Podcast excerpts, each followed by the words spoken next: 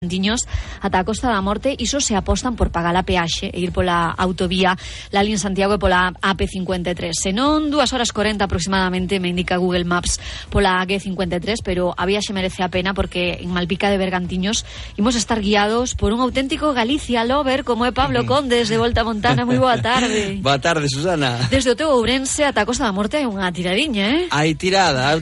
Dimo a min que fun namorar a Costa da, da, da Morte. Ai, sí. sí, bueno, claro, coñe, Cristina, ben a ruta. Cristina Dalí, entón esa ruta coñeza perfectamente. Ai, mira que ben coincidiu, entón, veño de Ourense que tires Dalí, vou a Costa da Morte, de onde a outra metade de Volta Montana. Claro, Nin que tú. estivera preparado. Que unión, eh? Que ben me saiu.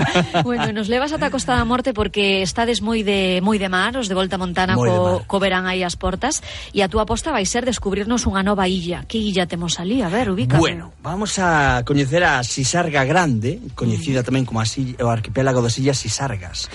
E aí y eh, que, de, que está no Concello de Malpica de Bergantiños, que é o mesmo Concello de, que de Cristina, Cristina Collazo, a miña socia ah, muller. E por iso entendo agora que vos estreedes con esta ruta, porque é nova, é das novas de Volta é das Montana. novas, e xa tiñamos lle pun... bueno, tiñamos lle... moitas ganas. Moitas ganas e non era posible por temas legais, pero ahora resulta que Buceo Malpica, uns amigos nosos uh -huh. que son uns grandes profesionales daquil, dali da zona, que se dedican principalmente a propia palabra que o di, buceo, a mergullar nesas augas maravillosas e agora que a súa embarcación pois poden levar a público todo legal, todo en orden. Antes había algunhas embarcacións que te levaban, pero non somos empresas e temos que facelo todo ben. Por suposto, por iso tirámonos de volta Montana que o fan todo estupendamente, pois vayan anotando nas axendas esa primeira saída cos amigos de Volta Montana Sillas e Sargas a Malpica será o 20 de xullo. Exacto. Quides contar nesa ruta a que ides levar pois algúns afortunados que se inscriban, que teñan praza, porque xa vexo que hai moitas persoas inscritas. Sí, a ver, pequeno, non é que haya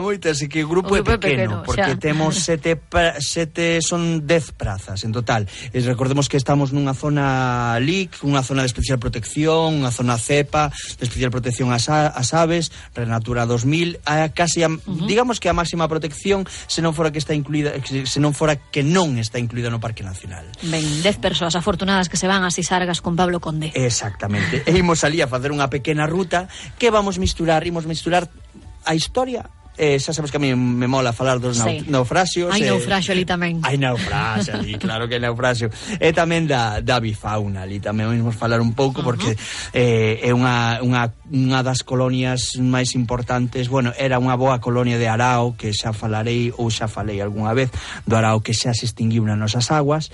Eh, xa se foi a países máis norteños por causa de, bueno, diversos temas de pesca e xa. protección ás aves que non vou entrar. eh, sí, Sería unha masterclass para outro programa. Sí. Vale.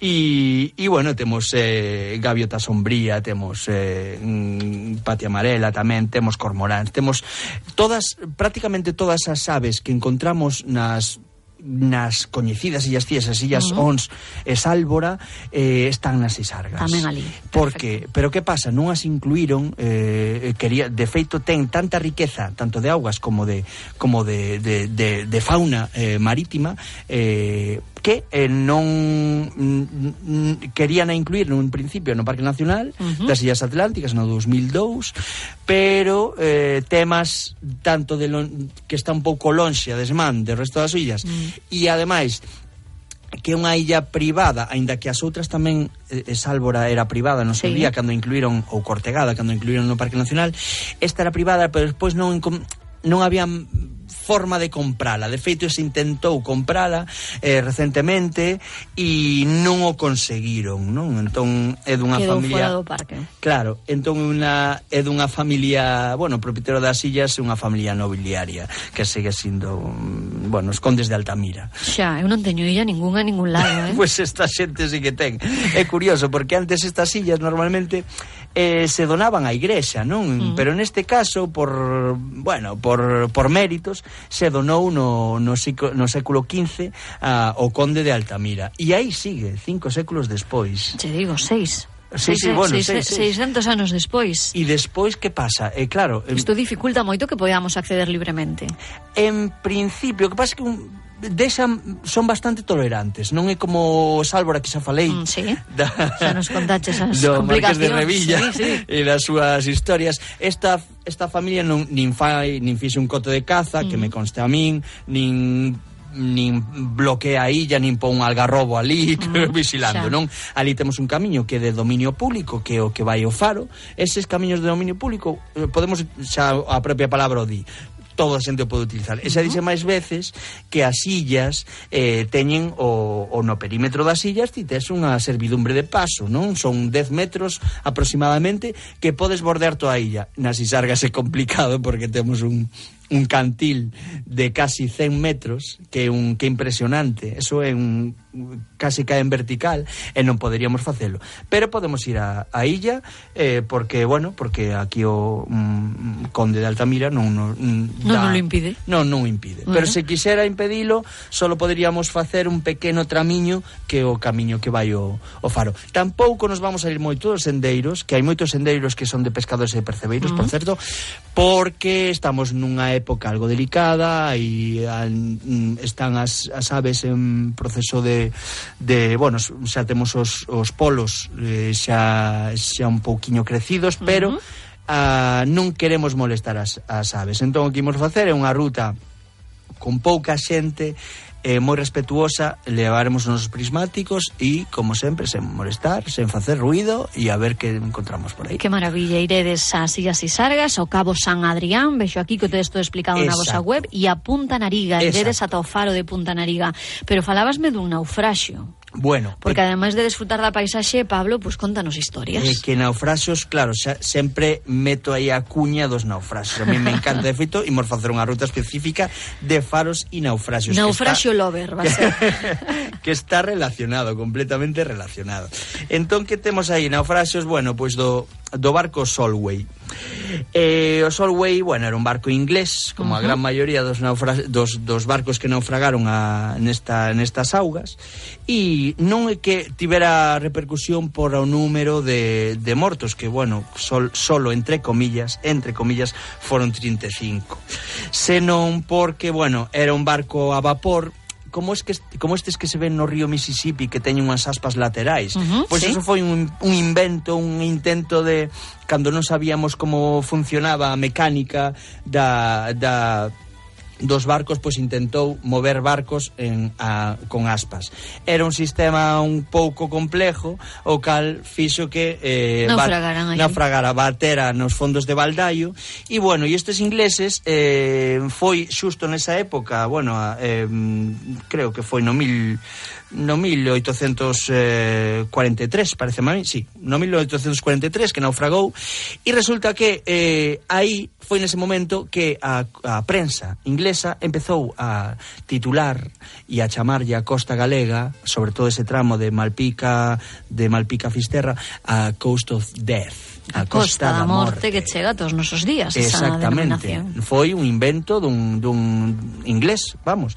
E para meter presión, porque claro, imagínate que unha autoestrada que unha, auto, unha das zonas con maior tráfico marítimo que temos na, no mundo Pois aí pasaban un corredor de barcos que se estaban constantemente naufragando. Entón, para meter presión ao goberno español e que balizara, que puxera un sistema de faros digno a mediados do século XIX, metu presión tanto o goberno inglés como o, a prensa. Entón, que pasou? Pois, eh, fruto deso, eh, uns anos despois, unha dúcia de anos despois, pois empezou a facer os primeiros faros, que un dos primeiros que se fixeron eh, foi o da, o da Isargas, Ajá, e ata ali nos vai deslevar ata ese eu de Pantanarivo. Ata, ata ese faro que despois sufriu remodelacións porque foi de diferentes categorías, como todos os faros que que temos na Costa Galega, empezando uh -huh. sen, sendo un faro moi pequeniño, de pouco alcance, prácticamente non se vía incluso un, un día con algo de tempestade e despois facer algo un de categoría 1, por exemplo, como temos agora en moitas zonas de,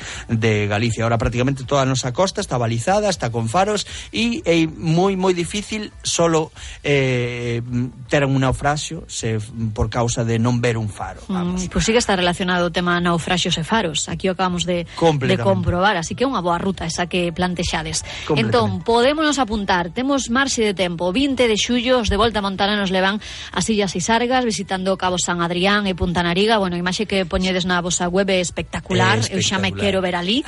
voltamontana.com aí teñen información e se poden inscribir. A ver, algo máis me queres contar? Pois pues, é nada, esa ruta que simplemente é formato tour, como moitas rutas uh -huh. que temos son formato tour, saímos desde Santiago na furgo eh, de oito plazas, máis máis eu, que son o guía conductor, e despois ali encontrámonos con un tono de, de buceo Malpica que nos vai levar e tamén nos vai explicar porque que leva toda a vida aí, coñeces as augas, coñeces a zona mellor que ca ninguén.